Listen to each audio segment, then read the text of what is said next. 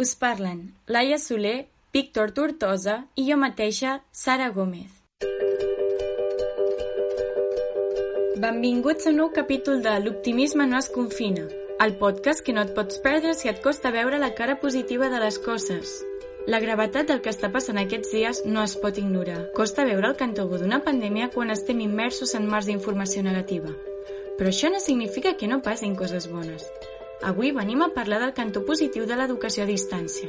Professors i estudiants ens explicaran què han tret de bo d'aquesta experiència més enllà de familiaritzar-se amb les eines TAC. També parlarem amb experts que ens ajudaran a entendre les parts positives d'aquest ensenyament i com pot afectar en un futur. Canviarà l'educació quan aquesta crisi acabi? Si ho vols descobrir, no t'ho pots perdre. Bueno, bon dia, ja hi som tots, més o menys. Uh, continuarem amb el tema de, de l'art uh, sumeri, que vam deixar mitges... Vaig explicar... La pandèmia ha alterat el dia a dia dels estudiants i professors, que han hagut d'abandonar les aules. Tant els docents com els alumnes s'han enfrontat a un gran repte. A grans trets, sembla que això no ha estat massa positiu. Hi ha hagut problemes i moltes queixes. Ara bé, la Laia Soler ha pogut parlar amb professionals i estudiants que ens donen una perspectiva diferent i positiva. Us explicaré la història de la Liz Brice, una professora d'anglès de l'Escola Oficial d'Idiomes de Lleida. Reconeix que al principi se li va fer una gran muntanya. Malgrat tot, aquesta docència li ha permès aconseguir coses que les classes normals no li permetien. Per exemple, una atenció més personalitzada. El fet d'utilitzar Google Meet o, o el Skype m'ha deixat, bueno, m'ha donat moltes possibilitats de donar, eh, ajudar alumnes com si fos quasi gairebé una classe particular. Eh, he pogut donar eh, suggeriments sobre vocabulari, si dubtaven, o qualsevol dubte gramatical. La Liz també ens ha explicat que les classes telemàtiques han estat una oportunitat pels alumnes que en grups grans se senten cohibits a l'hora de participar. Els alumnes que més han aprofitat per mi eren els que a classe tenen més vergonya sempre són els mateixos a classe si tens tota la classe davant i els més bueno, els més tímids no diuen res. Doncs aquests, aquests precisament són aquells que volien fer pues, un Google Meet o dos per setmana. És evident que hi ha alumnes que han sabut aprofitar l'oportunitat. Sí, i també professors. De fet, la Liz també ens ha comentat que una de les meravelles que té impartir classes d'aquesta manera és convidar persones de qualsevol part del món. També vull destacar l'impacte positiu que la Cèlia Bertran, professora de tercer de primària d'una escola de Berga, ha vist sobre els seus alumnes. Els meus alumnes han sabut veure el cantó positiu d'aquesta nova realitat que els ha tocat viure. És a dir, ells en les classes online han trobat com una via d'escapament per sortir d'aquesta nova realitat d'estar tancats a casa. El fet de poder veure la seva professora, els seus companys, de seguir treballant, els ha donat un punt motivacional extra que sí que s'ha vist molt reflectit en el seu aprenentatge. A més, més enllà de l'adaptació acadèmica, els infants s'han enfrontat a una evolució personal. He vist que els meus alumnes han millorat moltíssim la seva autonomia personal i acadèmica. El fet d'haver de, de treballar d'una manera diferent ha fet que moguessin els seus recursos, les seves eines personals per organitzar-se, per treballar d'una manera que no havien treballat mai i això els ha donat una certa autonomia que els ha fet madurar.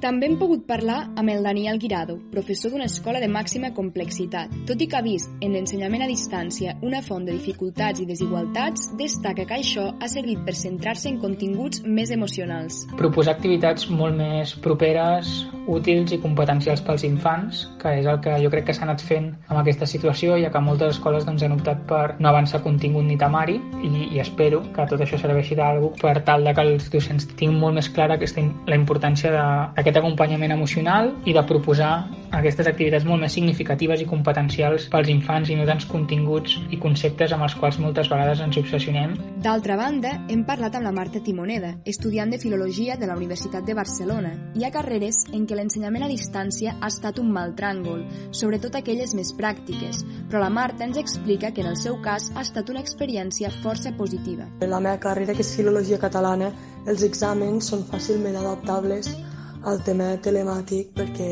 en lloc de fer exàmens presencials hem pogut fer treballs i hem pogut aprofundir molt més amb alguna assignatura sobre algun tema concret que a nosaltres ens ha pogut agradar i après molt més i d'una manera diferent i espero que això serveixi perquè els professors es replantegin la manera d'avaluar, si més no, a la gent que fa carreres de lletres. La distància no ha impedit que l'ensenyament continuï al peu del canó, i la Lis, la Cèlia, el Daniel i la Marta són exemples que n'han sabut veure, passar de tot, les coses bones. Més enllà, és interessant veure què ha significat això a nivell educatiu i com podria afectar en un futur proper. El Víctor Tortosa ha parlat amb pedagogs, psicòlegs i sociòlegs per resoldre aquestes incògnites. El Moisès Esteban és expert en psicologia de l'educació. Ens ha explicat quins efectes socials ha tingut l'educació telemàtica. El paper de la família és un dels que destaca com a més importants. Alguns docents diuen hem entrat als, als menjadors dels nostres estudiants. Doncs bé, això és una oportunitat per formalitzar contextos informals i informalitzar també contextos formals, com és l'escola, la, els instituts, etc. Eh? Per tant, s'han creat, podríem dir, més relacions de coneixement mutu en relació a, als mestres per part de les famílies i les situacions dels seus estudiants i la, les famílies en relació a allò que fan els seus fills a, a les aules. Com explica el Moisès, el vincle entre escola i família s'ha fet més estret i això ha estat fonamental pel desenvolupament de la tasca escolar. I això és molt positiu, és molt positiu perquè permet crear continuïtats educatives, permet fer un major suport a la tasca escolar, per exemple, per part de les famílies, perquè hi ha un coneixement d'aquesta tasca escolar i permet també adequar-la a les necessitats de les famílies i dels nanos en base al coneixement que tenen també els mestres el, el ben entrat o el bé conegut eh, d'una millor manera la situació dels seus, dels seus estudiants. Malgrat tot, el Moisès és conscient que no tothom ha viscut aquestes realitats de la mateixa manera. Hi ha un perfil determinat d'alumne que s'ha vist més beneficiat que els altres. Aquells grups o col·lectius que s'han vist més beneficiats d'aquesta situació són les que compleixen probablement tres condicions, que han tingut accés a connectivitat, quan no hi han hagut situacions, podríem dir, de caire més bàsic des d'una perspectiva psicològica, com pot ser afectació directa per cas de, de la Covid.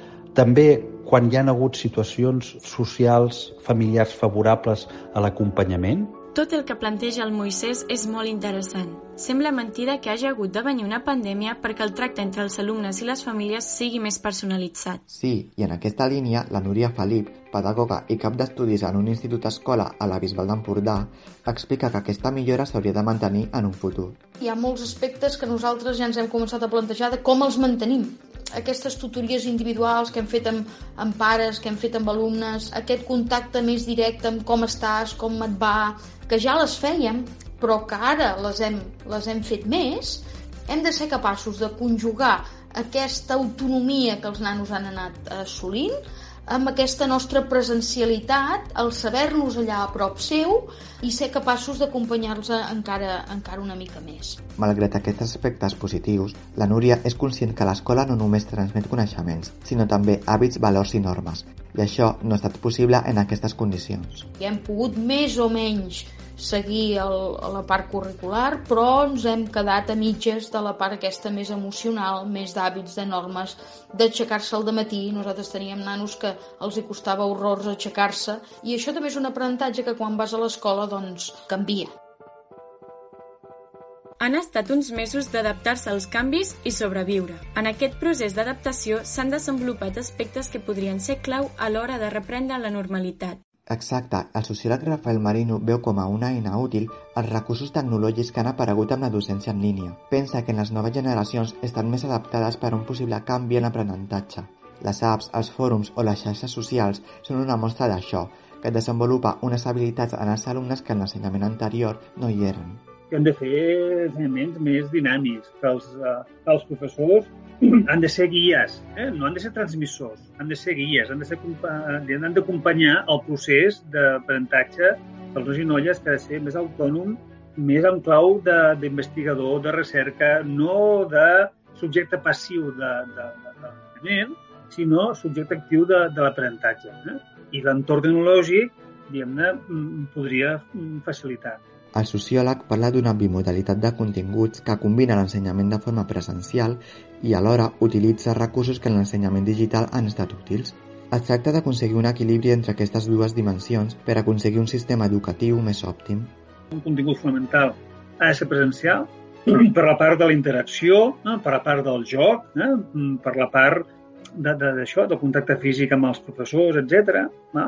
Però és veritat que hem d'anar incorporant aquesta dimensió, més que la dimensió, utilitzar els recursos que l'ensenyament a distància està provant que són, són efectius. En la mateixa línia, el sociòleg Pau Miret apunta que la docència hauria d'haver canviat fa temps. L'aprenentatge no s'ha adaptat a la societat actual i aquest és un problema que el sociòleg pronostica per quan tornin a obrir els centres educatius.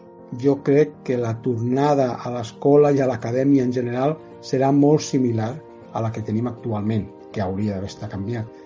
Llargues jornades escolars, eh, la importància del presentisme, ben poca tolerància als canvis tant per part de, del professorat, la veritat, o, i moltes vegades per part de les famílies. No podem saber com es reprendrà l'educació al setembre. Pujarà el número d'inscrits a la Universitat Oberta de Catalunya? Deixarem de desprestigiar l'educació a distància? Fins que no arribi el moment, no ho sabrem amb certesa. El que és evident és que aquesta crisi ha servit per explorar nous mètodes que potser en un futur tindran un paper fonamental en l'educació.